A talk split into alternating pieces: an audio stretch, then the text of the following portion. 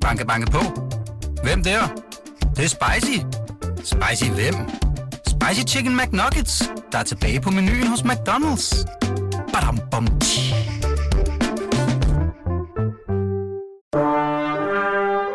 Du lytter til Radio 24 /7. Velkommen til Flaskens Ånd med Poul Pilgaard Jonsen.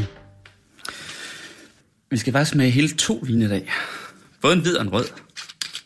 Starter jeg lige med den hvide. Du kan godt se, der er skruelåg på, ikke? Det er der jo. Især for mange vine fra den nye verden, som man kalder det. Ja. Værsgo. Og så til mig. Jeg er meget spændt. Ja, men øhm, har du ikke... Øh, har du ikke smagt den før? Ikke lige den her, Nej. men jeg har øh, smagt vine fra Mount Edward fra New Zealand før jo. Fordi, øh, ham der laver den, var din elsker, ikke? Jo, øh, kæreste vil jeg sige. Det, det er så kærester. dramatisk med. Men øh, jo, det er rigtigt. Vi havde en, øh, en, en hæftig kærlighedsaffære på tværs af oceaner og verdensdele og så videre. Det var det, øh, for det er jo vin fra New Zealand der. Skal Ja, ja, ikke lige smage det. det? Jo. Skål Camilla Lindemann, og velkommen hjemme hos mig på Pilgård her i Flaskensund. Tak, fordi jeg måtte komme. Jeg ved godt, hvordan den smager, for jeg har åbnet den for at være sikker på, at den ikke havde ikke var noget galt med den på forhånd. Den Den er så skøn. synes smager jeg. dejligt. Ja. Mm. Jamen, jeg ved jo næsten ikke, Camilla Lindemann, hvem af os, der så skal snakke om den her vin, fordi øh, du ved jo nok mere om producenten, end jeg gør i virkeligheden. Jeg ved jo mere, hvad, øh, hvad Laudrup Vin, som er importøren, hvad, hvad de øh, fortæller og skriver om Alan Brady, Ja, som han hedder, ja, der har lavet øh, den her vingård, som hedder Mount Edward, ja, i 97 vist nok, ja, og øh, regnes for at være noget af det, vel noget af det bedste vin i New Zealand. ja, Især Pinot Noir, den røde, som vi skal smage ja. om lidt. Jeg tror nok, at det var hans... Øh, Signaturvin, kan Ja, man godt det var ligesom det, han drømte Ja. om. Det var at lave, øh, øh, eller drømme om, det var at lave en virkelig fantastisk Pinot Noir Ja. i New Zealand, ikke? Og jeg kan da godt fortælle, at da han var over at besøge mig, så øh, tog jeg ham ud til forskellige vin... Øh, øh, Importør. ja, importører, ja. Og, øh, og det ene sted, der sagde de... Øh, de vidste jo, at han var talte engelsk, fordi han er ir oprindelig, og de troede så, at jeg heller ikke talte dansk, og de sad og smagte på den, og han ville jo gerne tilbyde, at de skulle købe hans vin, og så så de på hinanden og sagde, at det er den bedste Pinot Noir, jeg nogensinde har smagt. Og så sagde jeg, det lyder jo rigtig godt. Nå, taler du dansk? Men det var jo fint nok, altså. Ja. Så derfor, øh, det er en god vin. Så skal vi også lige have præsenteret dig, Camilla Lindmann. Du er tidligere chefredaktør for, ja, for alt muligt, ikke? Femina og psykologi Ja, og månedsmagasinet ind. og månedsmagasinet ja. inden. Ja. Inden var du længst på, eller hvordan? Ja, inden var jeg længst på, så 20, fik jeg... 20 år, var det Ja, det? jo. 27 år? Ja. ja. Jeg var i alder i 30 år i alt, ikke? Og så øh, og, og var så chefredaktør i mange år for inden, så fik jeg også Femina, og så udviklede jeg selv psykologi. Altså, øh, det, blad, et, et, det er sådan et nicheblad, kalder vi det, kommer kvartalsvis, men det øh, kører stadigvæk, og er, kan jeg forstå, øh, ret populært for et, nicheblad. Ja, for du stoppede for, hvad er det, 10 år siden eller sådan noget? 11. 11 år siden. Ja. Og så har du Nej, skrevet... i, i 2011 stoppede jeg. ja, i, jo. okay, Ja, ja. i 2011. Ja, ja. Og så har du også skrevet nogle bøger. Det har jeg. Blandt andet en, der lige er udkommet, ja. Der hedder Enestående. Eller Mit liv som enestående. Og det er ikke helt så selvoptaget, han har sagt, eller som det lyder, for det her er en række interviews med, øh, med midaldrende og ældre, der er singler. 16 samtaler, ja, om det modne single-liv. Ja, Det er modne single-liv. ja, Ligesom du selv er single. Ja. ja, Og moden, må vi sige, for du er jo 69. ja, nemlig. Skal vi lige... Man nævner ellers ikke en kvindes alder, ved du. Nå, så må Ej. vi lige skylde den ned Ej, med ja, et glas. må vi Men den, den er god at skylle ned med. Man kan godt mærke, synes jeg, at det ikke er en vin til 30 kroner. Mm. Altså, undskyld, jeg siger det, men Det kan man. Det her, det er Rieslingen. ja. 2017, øh, Riesling. Hvordan mødte du egentlig uh, Alan Brady, altså manden ja. Bag vingården her? Jamen, det gjorde jeg, fordi jeg var på en pressetur, øh, inviteret øh, sammen med nogle andre journalister til New Zealand. Og, og vi skulle bare øh, derud, og, altså vi skulle skrive om mm, alle mulige forskellige ting, øh, blandt andet omkring Queenstown, hvor han bor, boede. Øh, og øh, vi, vi skulle skrive om øh, bungee jumping og alt muligt øh, vilde ting, der sker på New Zealand. Og så blev vi inviteret øh, hjem på hans vingård. Altså han havde tænkt, jeg tror, man havde instinktivt tænkt, vi må hellere sende nogle journalister ud til ham, fordi han er sådan et ikon for vindyrkning på mm. New Zealand. Og så øh, mødtes vi og faldt i snak, men ikke noget sådan... Øh, det blev ikke vildere end en, en, en udveksling af almindeligheder, kan man sige, og så drog vi videre til Fiji, mm, og så havde vi udvekslet øh, visitkort, og... Øh, og så skrev jeg et postkort til ham for sjov ude fra Fiji, og tænkte, det når nok aldrig frem. Vi ved jo godt, hvordan postvæsenet er over hele verden. Og jeg skrev bare tak for sidst, og sådan lidt muntert. Og så, øh, da jeg kom hjem, lå der en alen lang e-mail fra ham. Mm. Og så startede vi på en lang korrespondence, som, som, og det her var i oktober, og i december skrev han, jeg kommer over og besøger dig. Det var jo lidt loren ved, det beskriver jeg også lidt om i min bog. Fordi, Hvilket årstal var det her? Øh, ej, det har jeg glemt nu. Det er vel... Øh, i 2000, altså det var der i, for det var i det år, hvor vi skiftede til millennium, altså hvad hedder okay, det så, ja, ja, var i, ja. i, hvad hedder det, 1999. Ja. Så har hans vingård været relativt ny for han, som sagt, så begyndte han vist i 97, tror jeg. Ja. Så den har været, ja, ja. har ikke været så gammel ej, på det tidspunkt. Nej, Okay. Nå, du var loven ved, at han, skulle, han pludselig meldte sin ankomst Ja, men det var fordi, vi havde jo kun set ham der meget, ganske kort til en til sådan casual snak, men vi havde selvfølgelig udvekslet rigtig mange betragtninger over livet og døden og det, der ligger derimellem på disse mails, men øh, pludselig meldte han sin ankomst, og det var jo lidt sådan... Øh, Loren ved. Det var lidt sådan i gift med første, ved første blik, eller hvad det hedder, gift, øh, ja, Øh, Hvor man skal gifte sig anonymt, han har sagt, ja, eller med nogen, man lige har mødt. Ja, øh, eller man aldrig har set det. Ja, det havde jeg ja. jo dog, og vi havde jo også udvekslet ja. øh, forskellige ting. Men øh, han kom, og, og, øh, og vi havde øh, en meget hyggelig tid, øh, og øh, så tog han hjem igen. Og så tog jeg ud til ham i februar og boede ude på hans vingård, hvor vi piskede rundt til diverse cocktailpartier og sådan New Zealanderne er jo et meget sådan muntert folkefærd, altså der, der, der er fester farver, og de vil gerne opleve noget. De var utrolig åbne over for, at øh, nu kom han der med en kvinde, og jeg skulle præsentere sig. Det var en festlig tid, men det blev aldrig mere. Altså, det blev ikke til et forhold sådan på tværs af kontinenterne, fordi... Øh, jeg ved ikke. Det, det er jo sådan med kærlighed. Altså, Øh, han ville gerne, øh, han, han udviklede teorier om, hvordan han kunne lave sit arbejde fra Danmark også, og bo meget tiden her og sådan noget, men det gled ud. Mm. Som så meget andet.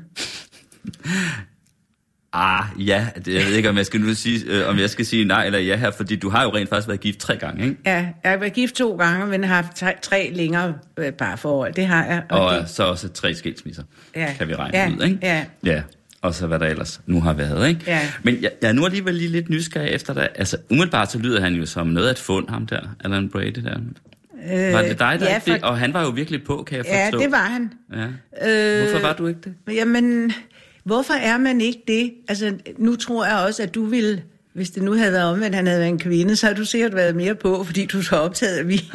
jeg var måske ikke. Øh, ej, men, men jeg var... Øh, Jamen, hvorfor er man ikke forelsket? Altså, ja. øh, hvorfor får man ikke det sidste, øh, den der gnist, der gør, at man vil øh, gøre, gå igennem ild og vand? Mm. Det, det, hvis du har opskriften på det, så vil jeg meget gerne høre den, og så kan vi lave et program om det. Men... Jeg, jeg ved det ikke. Altså, det, der var også nogle kvinder, der vil sige, det er fint, altså øh, som det er, vi øh, kan hygge os og, og, og have det rart og sådan noget. Men der manglede for mig en gnist. Mm.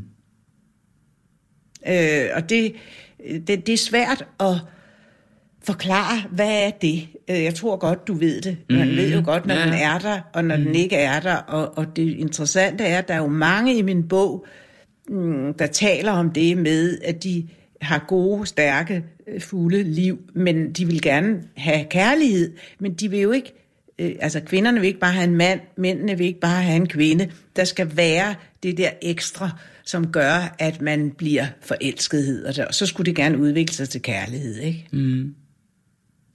Hvad tænker Det du? gjorde det altså ikke med Alan Brady. Nej. Nej, men så har vi hans vin til Men, men han er, øh, og min, min svigersøn, som er meget optaget af vin, han synes, det var et fantastisk bekendtskab, og han citerer ham uafladeligt, fordi han siger, du ved godt, hvad Allan sagde, at hver gang man åbner en dårlig flaske vin, så har man nægtet sig selv fornøjelsen af at åbne en god flaske. Ja. Og der siger han altid, du må ikke drikke dårlig vin. Og det gør vi altså heller ikke Nej, her. Det, det- gør vi ikke. Men det gør vi nu meget sjældent i, i Flaskens Ånd, programmet her. Altså, fordi det synes jeg nemlig også, livet er virkelig for kort til. Ja. Så det sker sjældent.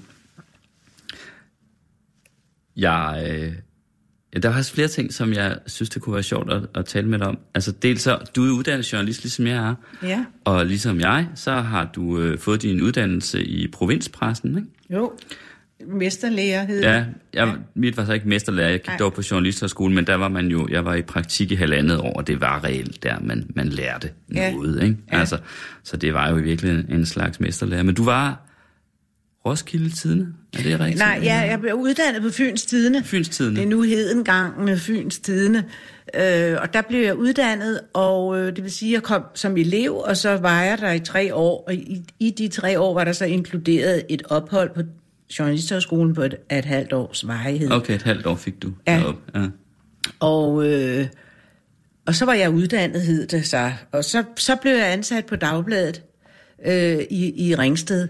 Det vil sige, først var jeg fa- faktisk vikar i flere år i folkeskolen, fordi jeg fik børn og sådan, så synes jeg pludselig ikke, det kunne passe ind med en øh, skæve tider på aviser og sådan noget. Men så ringede de fra Dagbladet og spurgte, om jeg ville tage et vikariat. Og så blev jeg så optaget af det journalistik igen, og så blev jeg der faktisk i 10 år. Men hvad kunne, du godt, øh, hvad, hvad, hvad kunne du godt lide ved journalistik? Jamen, først og fremmest elsker jeg at skrive øh, portrætter. Øh, jeg, jeg har nok specialiseret mig lidt i, i interviews, portrætter og kåserier. Øh, og det var noget af det, jeg dyrkede. Jeg, jeg, arbejde, jeg, jeg var også med i den daglige produktion. Hver formiddag skulle vi øh, skrive mm. nogle nyheder og sådan noget. Og, øh, men, men det, jeg lavede mest, var, at jeg sad og lavede sådan nogle større weekendinterviews og portrætter af folk fra alt muligt fra øh, store øh, virksomhedsejere og, og direktører til øh, ganske øh, almindelige øh, mænd og kvinder, der havde en interessant historie. Kunne du, kunne du godt lide sådan et miljø, altså en redaktion? Ja, Ja. det kunne jeg godt. Jeg kunne ikke lide, at vi skulle møde klokken syv. Nej, det skulle vi ikke. For, ja, vi skulle møde klokken syv, og øh, det, det har jeg aldrig været ynder af, at man skal så mm. tidligt op. Til gengæld så, øh, jeg havde så en dame, der kom og tog børnene op og fulgte dem i institutioner, da de var små. Og så kunne jeg komme tidligt hjem, fordi vi sluttede jo redaktionen ret tidligt.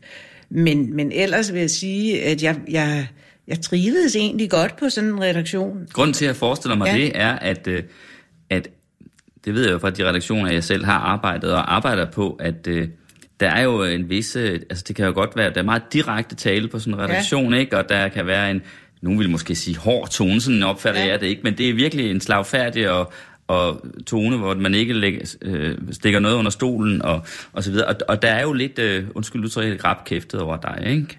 Jo, Også, ikke? det er der nogen, der siger. Ja, ja, det har jeg læst mig til, og jeg har jo faktisk også mødt dig et par gange før i forskellige selskabelige sammenhænge. Ja, vist? ja. Og det er der jo, altså, du er i hvert fald slagfærdig, ikke? Jo, det Så jeg jeg forestiller mig, at du vil, have, eller du vil passe rigtig godt ind i sådan et øh, miljø af journalister, Ja, det- hvor ja, der fyrer noget hen over bordene. Ja, men jeg, jeg befinder mig egentlig godt sammen med, med journalister, og mange af mine venner i den dag i dag er journalister, og, og det har du ret i. Jeg, og det sjove var, at min far, da jeg sagde, at jeg ville være journalist, så gjorde han alt, hvad han kunne for at tale mig fra det, og så spurgte jeg ham senere, hvorfor gjorde du egentlig det? Og så sagde han, ja, det var fordi, så havde det ikke været noget for dig. Øh, fordi der skal noget ekstra til at, at befinde sig godt på sådan en redaktion. Og da jeg startede, var det jo meget mere sådan et miljø, som man ser på amerikanske film med, at de sidder og ryger og drikker i et væk. Og der blev røget meget og drukket meget på sådan nogle redaktioner. Men øh, øh, jeg har aldrig været den, der sådan sad og, og og drak en masse øl og sådan noget, men det har jeg aldrig følt, at jeg blev holdt udenfor af den mm. grund. Jeg, jeg befandt mig glimrende. Øh, det var en, en udmærket tid. Hvad lavede din far? Han var forfatter. Ja, Kai. Nej, øh, Nej. Kelvin. Kelvin. Kelvin Lindemann, ja. Huset med det grønne træ, siger folk altid, fordi det var hans hovedværk. Og hvad med din mor? Hun var hjemmegående husmor, hed det dengang. Øhm, ja, øh, det var hun. Hvor voksede du op? I Grønholdt ved Fredensborg. Okay. Og der, Ude på landet. Og, og de var sammen, din far og mor? Ja. Altså, så, det vil, Ja, Ja. De, de, de så det er ikke af dem, du har lært at blive skilt? Nej, men det interessante er, at man kan sige, øh, som vi, vi, jeg sad og fortalte forleden om netop det med mine forældres ægteskab, og så sagde, øh, kom vi til at tale om det med, at mine forældre havde været sammen i mange år, altså de, de, de var sammen i over 50 år, men øh, og så sagde jeg, at det var et meget lidenskabeligt forhold, de havde. Øh, altså, de skændtes meget, men de var også øh, meget fascineret af hinanden og tiltrukket af hinanden, og, og sådan i, i, i on and off var der, der det sådan meget lidenskabeligt. Og, øh, og så var der en, der sagde, at det er derfor, at du ikke har en kæreste nu, fordi du går efter den der lidenskab. Og, og sådan, så tænkte jeg, ja, det kan hun godt have ret i. Ikke? Mm. Men altså et øh, forfatterhjem, kunstnerhjem, Ja. kan man kalde det? Ja, det kan man Ja. godt kalde det, for det var det. ja. Det tænkte jeg aldrig over som barn, når der var nogen, der sagde, at du kommer fra et kunstnerhjem, så tænkte jeg, "Men det er jo min far. Altså, øh, var det nu? Øh, men det var det jo. Øh, og øh, det er jo også derfor, jeg har min skrivelyst, ja. er jeg sikker på, fordi Sad han så og skrev hver dag? ja, hver nat. Hver nat? Han arbejdede meget om natten, og så øh, og det er heller ikke få gange, hvor han har stået op, eller øh, er blevet fa- altså, ved at gå i seng, når jeg skulle i skole, og så lavede han lige lidt morgenmad og sådan. Øh, så øh, han, han arbejdede meget om natten. Det kan jeg godt kan genkende, for efter at jeg holdt op med fast arbejde og begyndte at skrive bøger, så kan jeg også godt vende op på nat og dag. Ja. Det synes jeg er meget fascinerende at være vågen, når andre sover. Ja, du behøver heller ikke koordinere det med nogen, når du nu bor alene, Nej, nemlig. kan man sige. Ja, For nu at vende tilbage til det. ja, det er en af fordelene. ja. Hvilke andre fordele er der egentlig, synes du? Ja, men, øh, men hvis du spørger dem, der er med i bogen om mig, øh, for jeg er jo selv med i bogen, jeg har lavet et interview med mig selv, så, så er det jo, for, fordelen er, at man kan bestemme alting selv.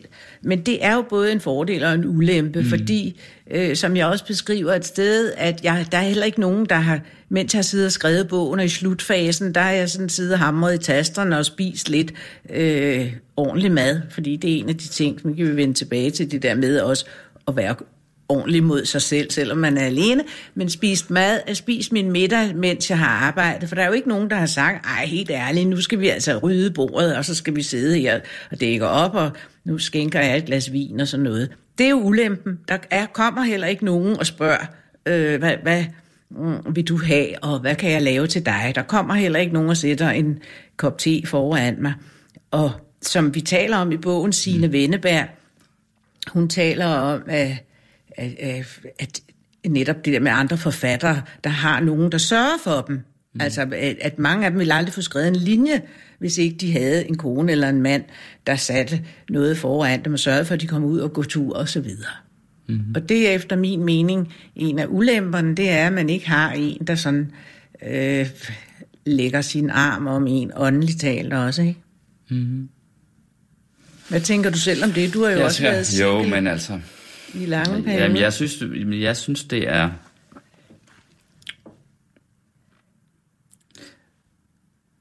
Ja.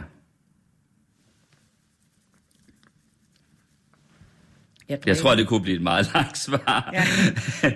Eller et meget kort svar. Jeg tror faktisk lige for en gang skyld, så vil jeg lade, så tror jeg, jeg vil holde fokus på dig. Okay. Ja, det tror jeg faktisk. Men det er fordi, der er nogle ting, jeg vil nå at høre. Ja, okay, skal jeg godt. dig. Ja, men, øh, Som jeg jeg, skal- jeg har skrevet ned her på min, hvad Ja, hedder det det, fint. på mit stykke papir. Ja, Altså for eksempel, jeg tror, vi vi skal altså have noget af den røde. nå, ja, men ja, vi skal også holde os Den skal vi ædru. også have. Hvad siger du, holder os ædru? Ja. Oh, jo, men vi har altså ikke drukket mere end en to tredjedel. Eller Men en, den er så god. Et glas, ja. Men Nå. det er den her røde altså også. Ej, men det er bare fordi, Men du er du nævner, at i den der bog, at du har været på en fredagsbar for singler i Aarhus. Ja, Og øh, det er ikke så længe siden, vel? Nej, nej, det var mens jeg skrev bogen. Ja, præcis. Fordi jeg har hende med, Gitte Ellegaard, hun har lavet et, et single-netværk, kalder hun det. Ja. Øh, og det er ikke et datingbureau, men det er et netværk for singler. Og det har hun lavet, og det kom jeg jo undervejs med i min research, og så ringede jeg til hende, og så lavede jeg et interview med hende. Og mens jeg er laver det her interview med hende, så siger hun, øh, vi har for øvrigt et arrangement i aften for plus 50. Mm.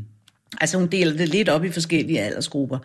Og, og det var så noget med, med drinks, altså øh, bar, øh, fredagsbar. Og så siger jeg, nå, men øh, er der også nogen plus 60? Ja, ja, sagde hun så. Og så, så sagde jeg, så kommer jeg, fordi øh, jeg tænkte, det var også sjovt i min research at, mm. at undersøge, hvad, Men, men hvor foregår det hen? Eller hvor foregik Ja, det? det foregik på, på en, en bar i, Ja. i midt i Aarhus. Okay. Øh, og der, så, så møder man op, og så bliver man øh, vist hen i baren, og så får man en, en, øh, en drink. Altså det, det ligger i den indgangsbillet, man har købt, mm. og så øh, er det bare med at cirkulere og snakke. Man ved jo, at alle dem, der er der, er singler, men, men det er jo ikke sådan, at man far øh, rundt, altså man spejder rundt og tænker, ham der, i for mit vedkommende, ham ser godt ud, eller ham, ham der, og så styrter man derhen. Der er alligevel sådan en vis form for generthed og tilbageholdenhed og sådan noget. Mm. Meget interessant. Hvordan følte du dig, da du kom ind der i det lokale? Jamen, jeg følte, øh, ligesom jeg tror alle følte, at, øh, jeg har jo beskrevet det i bogen, men, men at vi var øh, alle sammen på udkig. Altså, der er ingen tvivl om, at der kører sådan en spotlight rundt, øh, så man ved jo godt, man bliver iagtaget, og jeg tænkte som det første, er der andre sådan i min aldersgruppe, fordi når det er 50 plus, så kunne det jo være mange ting. Mm. Og øh, men det kommer man også over, fordi så, så falder man i snak med nogen, og jeg faldt også i snak med nogle kvinder jo, og, og så, så jeg havde min søster med, fordi jeg boede hos hende, mens jeg var i Aarhus. Er hun også single? Øh, ja, øh, okay. hendes mand er død, og okay. øh, så gik vi øh, lidt rundt, og hun faldt i snak med nogen, og så gik jeg over til hende, og så står man og, og, og snakker med folk, og folk er jo imødekommende og vil gerne... Øh, et, alle vil gerne i snak med nogen. Hvad for var der det for nogle typer, der var der? alt mulige forskellige typer. Jeg faldt meget i snak med en, der var revisor, og, og så faldt jeg i snak med en fysioterapeut, det var en kvinde, og, og så faldt jeg i snak med en, en mand, som havde et øh, lavet sådan noget, et, et bosted for øh, vanskelige unge, og øh, så, så var der en tømrer, og så det var alle mulige forskellige slags, ikke? Mm. Så øh, hun siger selv om det med det single-netværk, at hun havde egentlig ikke tænkt sig, at hun ville lave noget med fredagsbar, fordi hun synes, det var for overfladisk. Hun ville hellere lave nogle andre arrangementer, sådan, hvor man kommer og spiser mm. og sådan noget. Men, men nu, der var et stort ønske, og ja. der var fyldt op, og det var, det var en fin eftermiddag. Altså, det var ikke sådan, man tog derfra og tænkte, ej, hvor var det kikset. Men du havde ikke nogen under armen, da Ej, du stod derfra? Nej, Nej. Nej, det havde jeg ikke, men der var en, der gav mig sit visitkort og sagde, du må endelig ringe og sådan, og, og det har jeg Gjorde ikke du så det? Nej. Hvorfor ikke? Jamen, det var fordi, jeg ikke var, jeg var ikke interesseret nok. Og nu Okay. sidder du og tænker, åh, du er så kritisk. Og så, ikke? Øh, og det, ja, øh, det bliver jeg jo hele tiden konfronteret med. Er det ikke, fordi du er meget kritisk?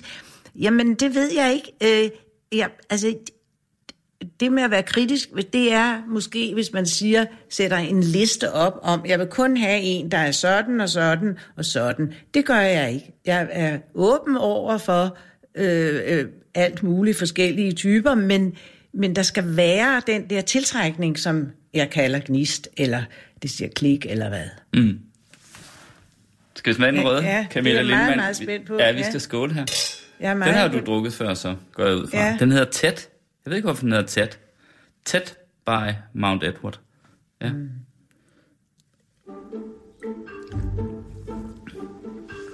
Den er skøn. ja.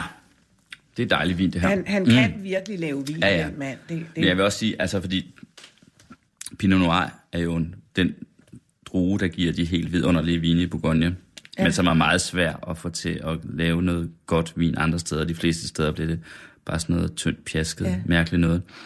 Enkelte steder i USA kan det lade sig gøre, og så faktisk på New Zealand. Ja. Altså, New Zealand er nok det bedste øh, uden for det er det. for, hvad hedder Og det har jeg også hørt. Bourgogne, ikke? Og Eller han Frankrig. siger, at øh, Og lave Pinot Noir. alle mennesker sagde til ham dengang, det kan ikke lade sig gøre. Mhm. Mm-hmm. Han bor på Sydøen dernede ved Queenstown. Det kan ikke lade sig gøre her. Det er for koldt. Mm. Øh, på, mm, altså i, det er jo omvendt af vores årstider. Men, men det kunne det jo, for han har fået masser af medaljer og Ja, ja. sådan noget. Det er jo det. Men det er også det, øh, hvad hedder det, øh, der gælder for eksempel for champagne. Det, det er jo den ene. I champagne, der har, man- bruger man jo først og fremmest de Chardonnay og Pinot Noir. Ja. Og, øh, og kul, altså det, at det ligger lige på grænsen til, det er faktisk, kan faktisk være rigtig godt, Ja. når det går godt. Ja, og det, præcis. Og Ja. det er en god vin med. Ja. Nå, men øh, Tilbage. fredags bare for singler har vi så noget her fra min liste her. på. Nu kommer vi til det næste. Cocktailselskab for singler på krydstogt. Ja, ej, nej, nej, nej. Men det var jo, øh, fordi jeg var på øh, en tur på et krydstogt, hvor det var faktisk også en pressetur, eller det vil sige, det var på den måde, jeg skulle skrive om det her krydstogt. Det var mm, en, en virkelig god oplevelse. Jeg nød det rigtig meget, og jeg havde altid, altid tænkt, nej, det er ikke noget for mig, og det er sådan noget med damer med blåt hår og sådan noget, men dem begynder jeg jo også at ligne. Men... Øh, så kom jeg på det her krydstogtskib, og så var der, øh, og øh, alt var lækkert, og man fik sin egen personlige bottler, og så noget, så lå der et fint brev i kahytten, hvor der stod, i aften, lige så snart man ankom på skibet i aften, så skal du bare møde i, hvis du har lyst, oppe i en eller anden salon, og så vil der være modtagelse for alle dem, der rejser alene. Ja, ja. Og- alene rejsende. Ja, Ja. Og, øh, og så, øh, nu var det en pressetur, jeg skulle skrive om og sådan noget, men der var flere, der havde sagt til mig, uh, du møder en skøn øh, mand der, og øh, på de her krydstogt og sådan noget, tall dark stranger og sådan noget. Nå, nå, tænkte jeg, det tror jeg nu ikke rigtigt. Men jeg gik jo op til det her øh, arrangement den aften, første aften på skibet, og der var der 14 kvinder, og øh, så var der to mænd, som tydeligvis var øh, til mænd. Altså, men det, det, det lagde de heller ikke skjul på at løse håndleder, det hele meget, meget øh, øh, søde og venlige og sådan noget, men der var ingen tvivl om, at man har sat de to til at underholde øh, damer. De var ansat af skibet, det lagde de heller ikke øh, skjul på, og de, de var ansat, og jeg tror, man har tænkt, vi skal ikke have noget øh, af nogen, der bliver jaloux eller misundelige, så vi tager to mænd, der i virkeligheden er ja. interesseret i andre mænd. Og de var fortalte så, at man kunne jo, hvis man var ked af at spise alene, så kunne man jo, så kunne de godt øh, varte en op og sidde med ved bordet, hvis man havde lyst til det. Og jeg tænkte, jeg gik sådan lidt rundt og interviewede nogle af damerne, der var der, fordi jeg var der jo Ja, der som var jo kun damer, ikke? Jo, Og så de to Ja, og så bøsser. jeg skulle skrive om det her, så ja. Jeg synes, det var et interessant fænomen, at man ligesom havde øh, ansat to herrer til at underholde ja. damerne. Og der talte jeg med en dame, en, en amerikansk dame, og hun fortalte mig, at hun havde været på 14 øh, krydstogter, siden hendes mand døde. Og hun sagde, at jeg har ikke på en af dem mødt en single mand. Ud af 14, Ja. 14 krydstogter. Ja. Og så Måske tæ- skulle hun prøve en anden strategi. Ja, men og hun gjorde det ikke, for hun synes bare, det var skønt at blive vartet op. Nå, og så er der det ved det ved krydstogt, at man tit kan komme hen. Altså, med- de- de spørger, har du lyst til at sidde sammen med nogle andre, mm. når man kommer ind i restauranten, mm. en af restauranterne, og så kan man blive komme hen til et bord. Jeg havde nogle virkelig interessante samtaler med mange forskellige slags mennesker. Øh, altså, men ikke... Jeg, Nej. spiste, jeg vil hellere... Øh, jeg vil også meget hellere spise alene, end at blive tvangskonverseret af en eller anden mand, som jeg øh, mm. ikke kender. Så er der netdating som Ja. alternativ, Ja. hvis ikke man vil på søen. Ja, på søen, Har ja. du prøvet det? Ja, det har jeg. Øh, det har jeg prøvet i nogle omgange. Men mm, heller ikke med stort held. Nej. Hvorfor ikke? Altså, eller hvordan er Ja. det? Ja, ved du hvad? Jeg har selv været på netdating, men jeg ved jo ikke, hvordan det er at være en kvinde i, slutningen af 60'erne på netdating. Nej, jeg har også grunde. været det, da jeg var øh, altså for 10 år siden, Ja. tror jeg. Mm. Men, men i meget kort tid, fordi jeg, jeg, jeg, jeg synes, hele processen med, at man skal mødes, og så... Øh, man ved ikke rigtigt, hvordan ser han nu ud i virkeligheden. Altså, man har set et billede og sådan noget, men det kan jo også snyde. Og, øh, og så har jeg oplevet mange gange, det lyder altså frygteligt, når jeg siger det, fordi det lyder som om, at jeg sidder som sådan en eller anden prinsesse på ærten og siger, du er ikke væk, eller et andet eventyr. Øh, men men så, øh, så kommer der sådan en, så kommer man hen til den her restaurant, bar, øh, café, hvor man nu skal mødes, og så kommer der en mand rundt om hjørnet, så tænker man, åh nej, bare det ikke er ham. Og det, det er det jo tit. Nej, men altså, jeg har bare ikke været heldig. Jeg har jo hørt, eller jeg, jeg har ikke været heldig, at jeg er blevet tiltrukket af nogen, jeg har øh, mødt på den måde. Mm. Jeg har en, en, en historie i bogen, et interview med en mand, og ham tog jeg med, nemlig fordi han er meget åben om, at han har datet meget på nettet, og det er der jo mange, der ikke bryder sig om, og mm. de synes stadigvæk, det er lidt pinligt eller et mm. eller andet, selvom det er jo måden i dag, at man mødes på. Øh, men mindre man står og hænger på en bar, og ja. det er jo ikke sandsynligt, at ens øh, drømmeperson træder ind af baren det øjeblik, med mindre man... Mm. Altså, det skulle være... Har du været udsat for sådan nogle helt horrible oplevelser, altså hvor der er kommet en person, der har set fuldstændig anderledes ej, ud end uh, billedet, og dog ej, ikke. Nej, men jeg hørte om en, der var en mand, der fortalte mig, at han havde været ude for, at øh, en kvinde var, øh, øh hun var 20 år ældre i virkeligheden, end det hun havde lagt op, mm. og, og, og, og sådan noget. Så, så øh, det er mange pudsige ting, der kommer frem, synes jeg. Når man taler med folk om det. Jeg har også nogen, øh, som jeg øh, stadigvæk har kontakt med, men som ikke mm. er blevet kærester. Men øh, altså, jeg synes, det er en, en Altså, jeg kan ikke... Folk må gøre det. Jeg brød mig bare ikke om det, og hele det der setup, og så, så skal man så... Øh, øh, så, så konstaterer man meget hurtigt, det her er slet ikke noget, og så skal man ud af det igen. Det, det ved du jo selv. Sådan vikle sig ud af det på mm. en mhm. ordentlig måde, og man vil heller ikke såre nogen, og, ja. og sådan noget. Og så er der nogle typer, der bliver meget fornærmet, når man siger, at det... Man tror ikke, ja. at... Nå, så er der, også, der er også Tinder forresten? Ja, det har jeg ikke prøvet. Det har du ikke prøvet. Det er jo sådan det nyeste. Ja, det er jo sådan ja, en app, ikke? Altså, ja. det kan lidt sammenlignes med netdating. Vi tager lige en slurk, skal jeg fortælle dig noget sjovt. Mm, det bliver bedre. Øh, ja, det smager vidunderligt. Ja. Nå. Øh,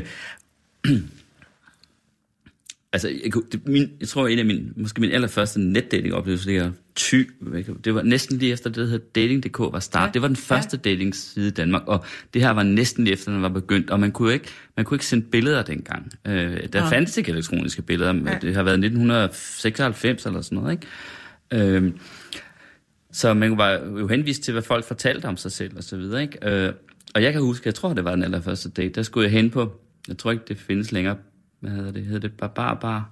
Ja, lå, hen ja, på Vesterbro ja, Torv, ikke? Vesterbro Torv, Nå, ja. du bor jo lige nærheden også, ja, over ja, ved Frederiksberg ja, ja.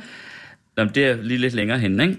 Og ja, der troede jeg altså, at jeg skulle mødes med en, kan jeg ikke huske præcis, men altså en kvinde, som var, hvad ved jeg, sikkert 1,74 eller et eller andet, og 58 kilo og mørkt hår, øh, og arbejdede som fuldmægtig i et ministerium, tror jeg det var, havde fået fortalt.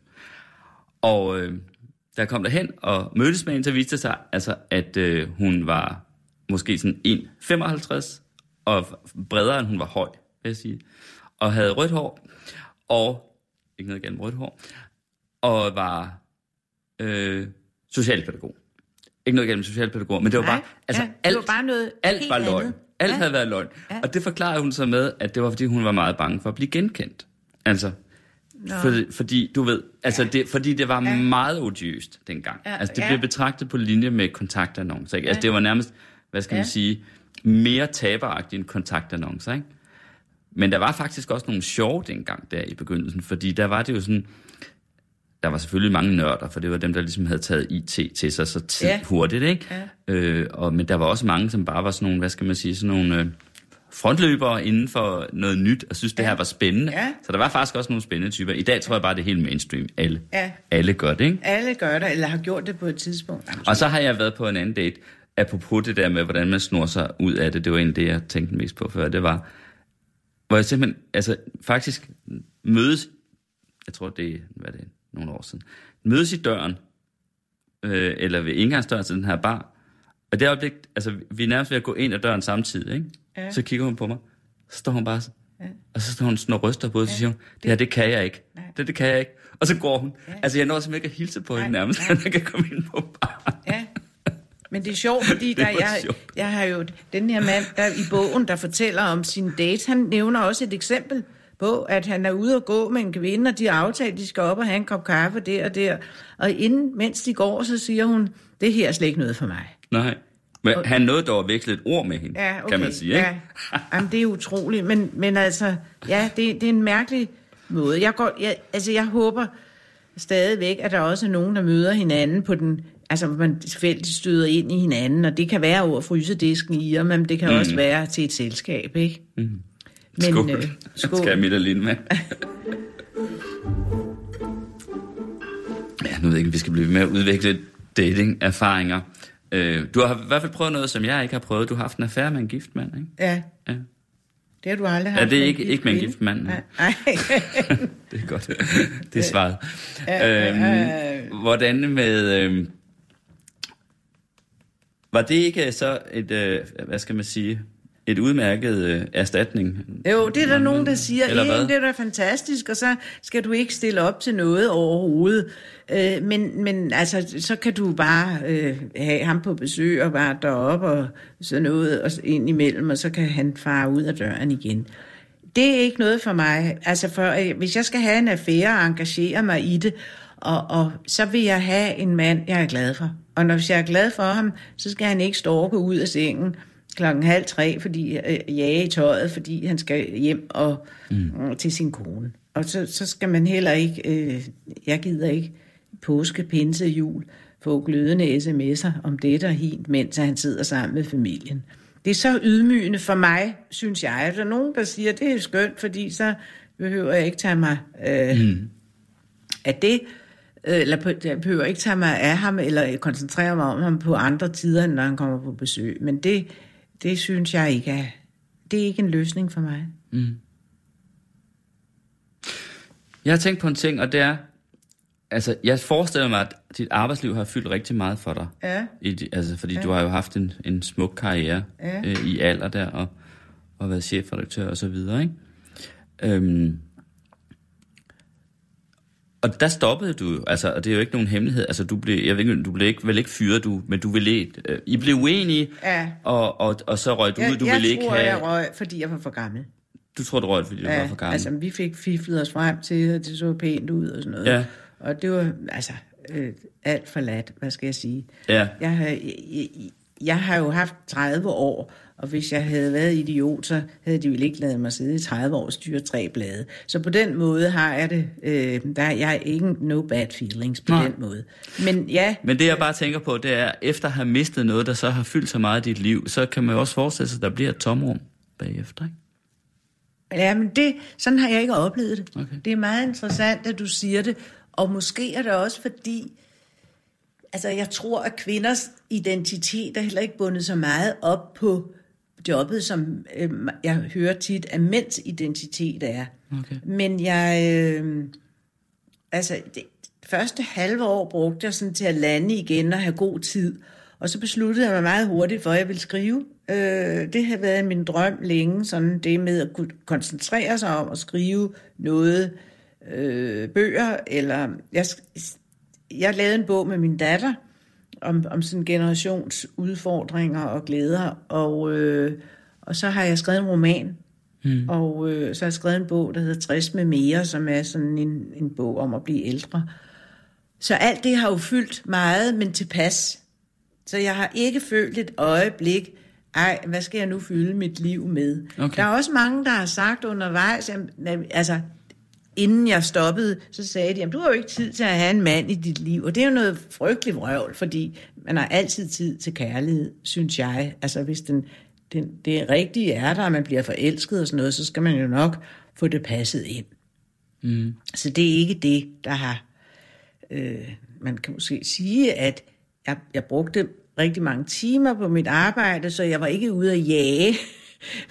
Men, om jeg så må sige, i den tid, og jeg arbejdede jo på en, en, en, en kvindearbejdsplads. Mm. Altså man, i, i, i, i kvindebladet-segmentet er der jo rigtig mange kvinder ansat, og selvfølgelig var der mænd i, i øh, alderkoncernen, men sådan, det var en kvindearbejdsplads, og det er jo ikke der, man sådan, ellers er et, en arbejdsplads jo tit et godt forum at møde hinanden, ikke? Mm. Så, øh, Jamen, jeg ved ikke, hvad der er gået galt, hvis det er, du tænker. Jeg siger da ikke, der er gået noget der er galt. noget galt i forhold til, altså, Nej. hvorfor har du ikke en mand? Og det er der jo nogen, der siger, øh, ej, jeg bliver nødt til at fortælle dig noget, når vi nu Ja. taler om det. Fordi der er noget, der har chokeret mig virkelig meget, og det er, eller virkelig meget, men alligevel, der skal jo noget til at chokere mig nu om stunder, men det har alligevel overrasket mig. Det var, at da jeg lige har udgivet bogen, jeg- den udgav jeg jo i sidste, øh, her for nylig den 20. Øh, februar, så gik der nogle dage, og så fik jeg en mail fra en mand, som øh, skrev til mig, at jeg, han var, øh, havde læst bogen, og han synes, den var rigtig fin, og han, om jeg kunne huske ham, for vi havde arbejdet sammen for 20 år siden. Han havde været freelance skribent. Okay. Og det kunne jeg godt huske. Øh, og så skrev han, nu ville han gerne give mig et godt råd. Og det var, at han huskede mig som, det er det, du kalder rapkæftet. Jeg kalder det godt skåret for tungebåndet. Mm. Han huskede mig som en kvinde, der havde en rap replik, og desuden havde jeg en rigtig god humor. Og nu vil han råde mig til, at jeg skruede lidt ned. Altså om jeg ikke kunne underspille mig selv noget mere, fordi mænd kunne jo godt lide at være ovenpå. Og så sagde han, at Erik Balling, der lavede, instruerede Matador, han kastede jo altid imod folks natur, så jeg kunne måske også kaste mig selv imod min natur. Og det blev jeg altid meget overrasket over, mm. at man i 2019 skal øh, så underspille sig selv. Og Katja Iversen, som du i øvrigt har haft i Den har jeg haft som øh, pro- øh, Ja. gæst her i programmet. Ja. ja. det kan man finde her på, hvis man øh, googler Katja Iversen og Flaskenson. Ja. Så kommer man ind i arkivet. Meget, Øh, meget spændende ja. kvinde. Hun er jo med Ja. i min bog. Ja. Og også en meget bramfri dame. Og Ja. hende og jeg, vi fandt jo hurtigt hinanden mm. i en fælles mm. øh, samtale. Også om det med mm, at underspille sig selv. Og Ja. hun sagde, jeg, øh, jeg er jo en kvinde, der øh, taler højt, og jeg har store bryster og store armbevægelser og røde briller, så jeg er ikke tilbøjelig til at underspille mig selv, og det gider jeg ikke mere. Og det tænkte jeg, det er jeg evig Ja. der Ja, altså- jeg er ret i, at det har vi ikke lyst til. Det kan jo godt være, at han har ret, ham der, ja. Skribenten. Det lyder så også, som om han har skrevet det i den bedste mening, ikke? Jo. Øh, men jeg må sige, altså, at lignagtigt det forstår jeg så ikke på mit kønsvejne, fordi jeg har det faktisk helt modsat. Jeg har jo altid gerne ville... Altså, jeg har altid faldet for nogen, som jeg, øh, som jeg synes, jeg skulle se lidt op til. Altså, jeg vil gerne sådan mentalt stå lidt på tær øh, i forhold til en kvinde. Ja. Altså, men jeg ved godt, at mange mænd har det på den måde, at øh, de gerne vil føle, at de lidt har overhånden.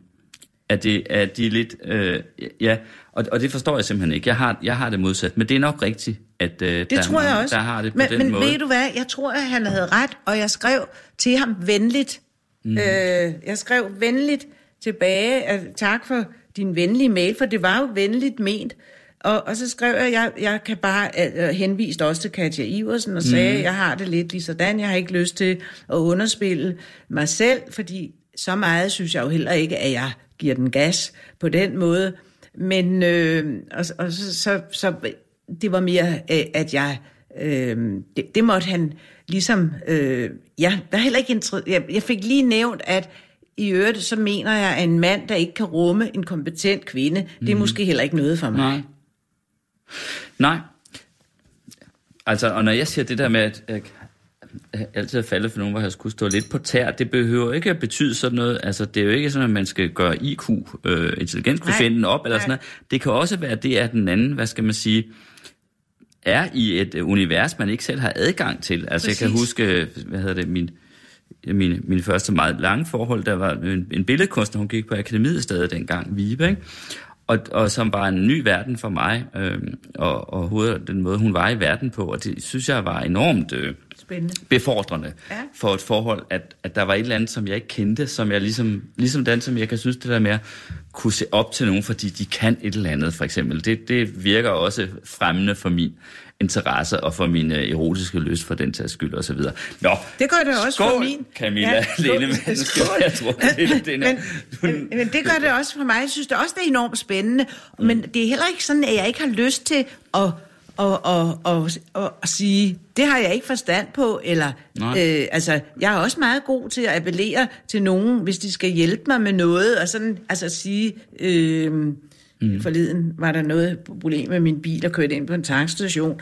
Og sådan, altså, og, jamen, jeg har ikke overhovedet ikke forstand på det. Jeg går jo ikke sådan Nej. rundt som om, at jeg skal ikke have hjælp af nogen. Men, men jeg kan jo ikke sådan lave om på min natur for, at der skal sidde en mand og ikke føle sig underlegen. Så det var bare det. Jeg blev alligevel lidt overrasket over, at jeg skulle have det forslag, at du skal spille, underspille din humor og underspille din rapperegi. Ja, Nå. det lyder også kedeligt. Ja. Men, men der kunne måske være et andet aspekt af det her. Ja. Jeg sidder bare lige og tænker over det. Altså, fordi du tydeligvis jo har været og er en meget selvkørende Ja, dame, ikke? ja. Øhm, altså, det kan jo godt være, at man, når man er vant til at være selvkørende, og vant til at være chef, vant til at styre og bestemme, jeg, jeg, har, en, jeg har en eller anden fornemmelse af, at du garanteret også kan være ret styrende. Altså, Nej, det er faktisk ikke galt. det er helt vil jeg galt. Nej, det er ikke, Nej. Det, det er ikke galt med det. Nå, det er ikke så slemt nej, med, med det, er- styrende. Nej, nej, men du har dog skulle du styre nogen i hvert Ja, fald, når du ja. nu har været chef og så videre. Ja. Måske, måske kan man uh, få svært ved at række ud efter andre mennesker, når man er vant til at være så selvkørende. ja. Eller hvad? Det kan du have ret i. Det, Altså? det, det kan du godt have ret i, at det sikkert er et problem, at man ikke rækker nok ud. Mm. Øh, men med hensyn til at styre, der, der vil jeg sige, at jeg tænker, at jeg i dag ville være en meget bedre kæreste, end, end, end jeg ser mange andre. For jeg synes nemlig, mange kvinder styrer rundt med deres mænd, og, og vil gerne bestemme alting. Og, og der har jeg det sådan, ej, det gider jeg slet ikke. Og, og, og altså, fandt jeg en mand i dag, som øh, gad være min kæreste og omvendt, mm. så ville jeg være meget bedre til at sige, gå ud og spille golf eller bridge, eller hvad du vil. Altså, spil, gå til fodbold og sådan. Så kom hjem og være sjov, øh, altså og glad. Men jeg vil slet ikke begynde med, at det skal du heller ikke. Og nu skal du også gå til øh, akrylmaling, for det gør jeg. Nej, men altså, Nej, øh, men så det gør jeg, jeg ikke være med at tænke men- på, du, du har dannet jo par med Jørgen Eifel på Ja, et tidspunkt, ikke? ja. Som var øh, Jyllandsposten til... med ham, Du var, I var gift også, ja. Jyllandsposten chefredaktør, og jo altså en, øh, en tof mand, ikke? På mange måder. Jo, ja, virkelig, også ikke? en meget blød mand på mange.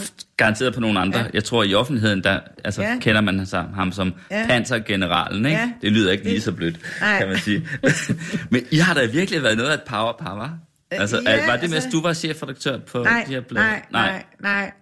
Øh, Jeg mødte ham, det er mange år siden, vi var gift, Okay. og det sjove er, at jeg aldrig, det- er en mand, som jeg er blevet konfronteret med øh, så mange gange i, i mit liv, og, og jeg senest øh, lavede et interview til Jyllandsposten, og der kom hun og sagde, øh, journalisten, ej, du har været gift med Jørgen Eibøl, og, og så sagde jeg, ja, altså, diskvalificerer det mig, så, og så grinede hun og sagde, nej, nej, overhovedet ikke, og hun havde ikke været der, mens han var der, men jeg har brugt meget tid på at gå rundt og fortælle, at han ikke er lige så barsk og hård og, og sådan noget, som mange har fået opfattelsen af.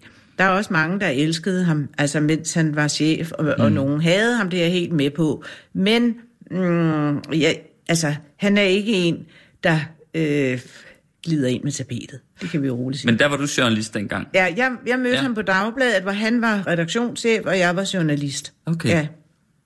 Altså, Og- det var chefen, du scorede. Ja, det var ham, der gjorde stormkur til mig, ja. Jeg var faktisk gift. Du var men, gift. Men, men det, det, var et, et ægteskab, som alligevel var Ja. øh, gået sønder, kan man sige. Men øh, han, øh, ja, han, han øh, havde besluttet sig for, at det er hende vil jeg have. Sådan.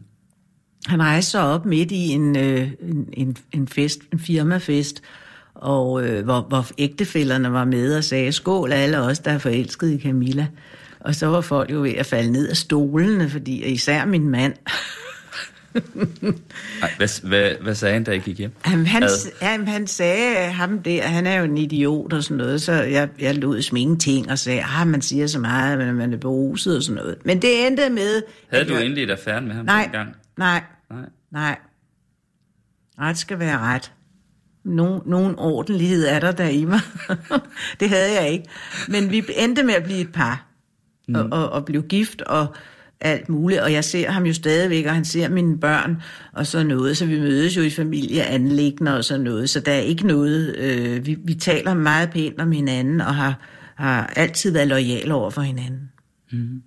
Men det er rigtigt, at... Øh, ja, øh, hvad tænker du? At vi Nej, har jeg været to skrappe... Øh, Ja, Ja, øh, jamen det ved jeg ikke. Øh, Jeg har i hvert fald været rap i replikken. Ja. Ja, begge to. Ja, Skal vi ikke det- skåle det- for en Ejbøl? Jo, har du arbejdet sammen med ham? Nej, det har du ikke rigtigt. Det har jeg. Vil du høre noget sjovt? Ja. Det skal jeg lige fortælle dig. Jeg ved ikke, meget tid vi har tilbage. Jeg skal også lige nå noget til sidst, som jeg også har skrevet ned. Men mm. ja, øh, lige, efter jeg, i lige efter jeg var færdig på journalisterskolen, der øh, var jeg var så meget, jeg ville gerne til København. Men jeg var snusfornuftig, jeg tænkte, du størst chance for at få et andet job, du hellere vil have, hvis du øh, har et job, ikke? Ja. Så selvom jeg gerne ville øh, øh, fra Aarhus, hvor jeg boede, til, til København, så valgte jeg faktisk at tage et job i, i øh, Esbjerg eller i Ribe, på Jyske Vestkysten i Ribe, Ja. på lokalredaktionen der. Og jeg var der helt over, over en sommer, før jeg så fik arbejde i København. Og det, der var Jørgen Ejbøl, øh, chefredaktør på Ja, øh, Jyske. Vestkysten. Ja. Og øh, han boede stadig i København, tror jeg. Og der skulle vi, og så kom, så, så skulle vi have sådan en, der var en årlig fest. Og han havde bare skulle til et møde eller et eller andet, for for at nå det, så kom han med helikopter. Og den helikopter skulle lande på, der var sådan en del af bladhuset i Esbjerg, der lå hovedredaktionen i selve bladhuset, lå i Esbjerg. Øh, han skulle lande på et fladt tag, der var der. Og øh, det gjorde han så også, og det var også et festligt indslag, kan man sige, altså at, øh, ja. at lande øh, i sådan en helikopter, før festen skal starte. Ikke? Men ved du hvad? Buffeten, den var stillet op inde i det lokale, øh, tror jeg, altså, som var med, øh, hvor, hvor bygningen var med fladt tag. Så på en eller anden måde, så gav det så mange rystelser i bygningen, da den landede, den der helikopter, så det Ej. begyndte at drysse fra loftet ned over øh, buffeten. Og jeg kan huske, at de der øh, tjenere og kokke, de måtte styrte hen og forsøge at lægge ting henover, sådan at de ikke blev... Og det havde jo bare sin egen meget smukke, næsten mytologiske et eller andet, altså fordi der har sikkert været nogen at derovre, der synes, at, at det har været alt for meget at komme i helikopter, ja. ikke? Og han var jo, havde, kom jo også fra et, et job som chef, øh, som redaktør på øh, i, i Berlinske i København, ja, Ja, ikke? Og, og var blevet, så blevet sendt til Vestjylland, altså i virkeligheden nok beordret til Vestjylland for at blive chefredaktør. Ja. ikke? Så de har sikkert set det som noget meget symbolsk. Ja. Altså en slags ja. Ja. hybris, ikke? Ja, ja, som så bærer Ja. straffen i sig Ja. selv. Men straffen var så de, der skulle spise, hvad hedder det, det der mad, som var, så var drysset det der nede i. Ja. Nå, det Der var er jo sjovt, Camilla, ting. men noget, der ikke er Det- sjovt, ikke? Det var en sidste ting, du ville Ja, spørge om, synes jeg, ja det er bare, ja, ja. Altså, fordi det fremgår også, også, at du har jo ikke, øh, du har jo så ikke fået en kæreste igen endnu, Nej, og ingen kan vide, om du får det. Ja, nu ved jeg jo ikke, hvad der. Du kan jo møde hende, når du går hjem herfra. ja, det kan man nemlig. Du skal, never selvom der er ikke så langt, vel en halv kilometer eller sådan Nej, noget. fem, ja, 600 meter. Men jeg tænker på, øh, på et eller andet tidspunkt, så bliver du jo gammel og svag. Ja, Eller svagelig. Måske syg. ja, Og en dag skal man dø, ikke? ja. Og det har jeg tit tænkt på, det må næsten være det værste, hvis man så ikke har nogen at være med. Ja, Hvad tænker du om det? jamen der tænker jeg, at jeg... Øh, nu har vi ikke så meget tid tilbage, for det er jo ellers en helt øh, ny udsendelse, Ja, men jeg tænker ja. om det, at det jeg frygter jeg ikke så meget. Jeg har jo min familie, og hvis jeg blev meget syg, og sådan, øh, så ville de jo nok sørge for øh, at hjælpe mig med mm. noget, altså øh, komme med lidt mad i ny og næ og sådan noget. Men ellers tænker jeg ikke, at jeg øh, ville sidde og tænke, hvor er det trist, at jeg ikke har en til at holde mig i hånden. Men jeg, måske også fordi jeg er sådan en type, der hvis jeg blev meget syg og sådan noget, så ville trække mig lidt tilbage i min hule, måske, og ikke have brug for så meget med, mm. måske noget lidt praktisk hjælp, men ikke øh, så meget, at jeg, et, altså, ikke sådan den fornemmelse af, at ej, hvor er det trist, at her ligger jeg og dør alene. Men jeg håber selvfølgelig, som der er også flere, der giver udtryk for i min bog, at når man skal dø, så går det hurtigt. Øh, altså, at man ikke skal ligge og være dødssyg i lang tid. Men det ved vi jo ikke noget om. Og det, det, jeg kan jo ikke styre mit liv efter det, og nu er det blevet sådan, som det er blevet. Og hvis jeg kunne lave det om, mit liv, så havde, var det nogle ting, jeg ville have justeret undervejs. Men ellers er mit valgsprog, it seemed right at the time. It seemed right at the time. En ting, du ville have justeret. Hvad kunne det være? Jamen, det var mit kærlighedsliv. Jeg ville nok have justeret undervejs øh, øh, ting. Øh, ikke så meget min karriere, men, men jeg ville, der var nogle ting, jeg ville have gjort anderledes, og øh, sådan styret lidt øh, mere fornuftigt rundt øh, end, end, øh, og måske tænkt mig lidt bedre om undervejs i visse situationer, og inden man sådan havde taget nogle store drastiske beslutninger. Jeg tror, det må være den helt passende udgangsreplik på den her udsendelse, Camilla Lindemann. Tak fordi du kom. Tak for Det var Nille Birk, som, øh, som lagde øre til vores samtale som den første, som producer, og, øh, og altså, ja, undskyld, din gamle kæreste, elsker kæreste, Alan Brady, der, der leverede vinen. Ja, det var skål for alle. Eller i hvert fald havde lavet den. Ja, Skål, tak fordi du kom. Tak. Du lytter til Radio 24 /7.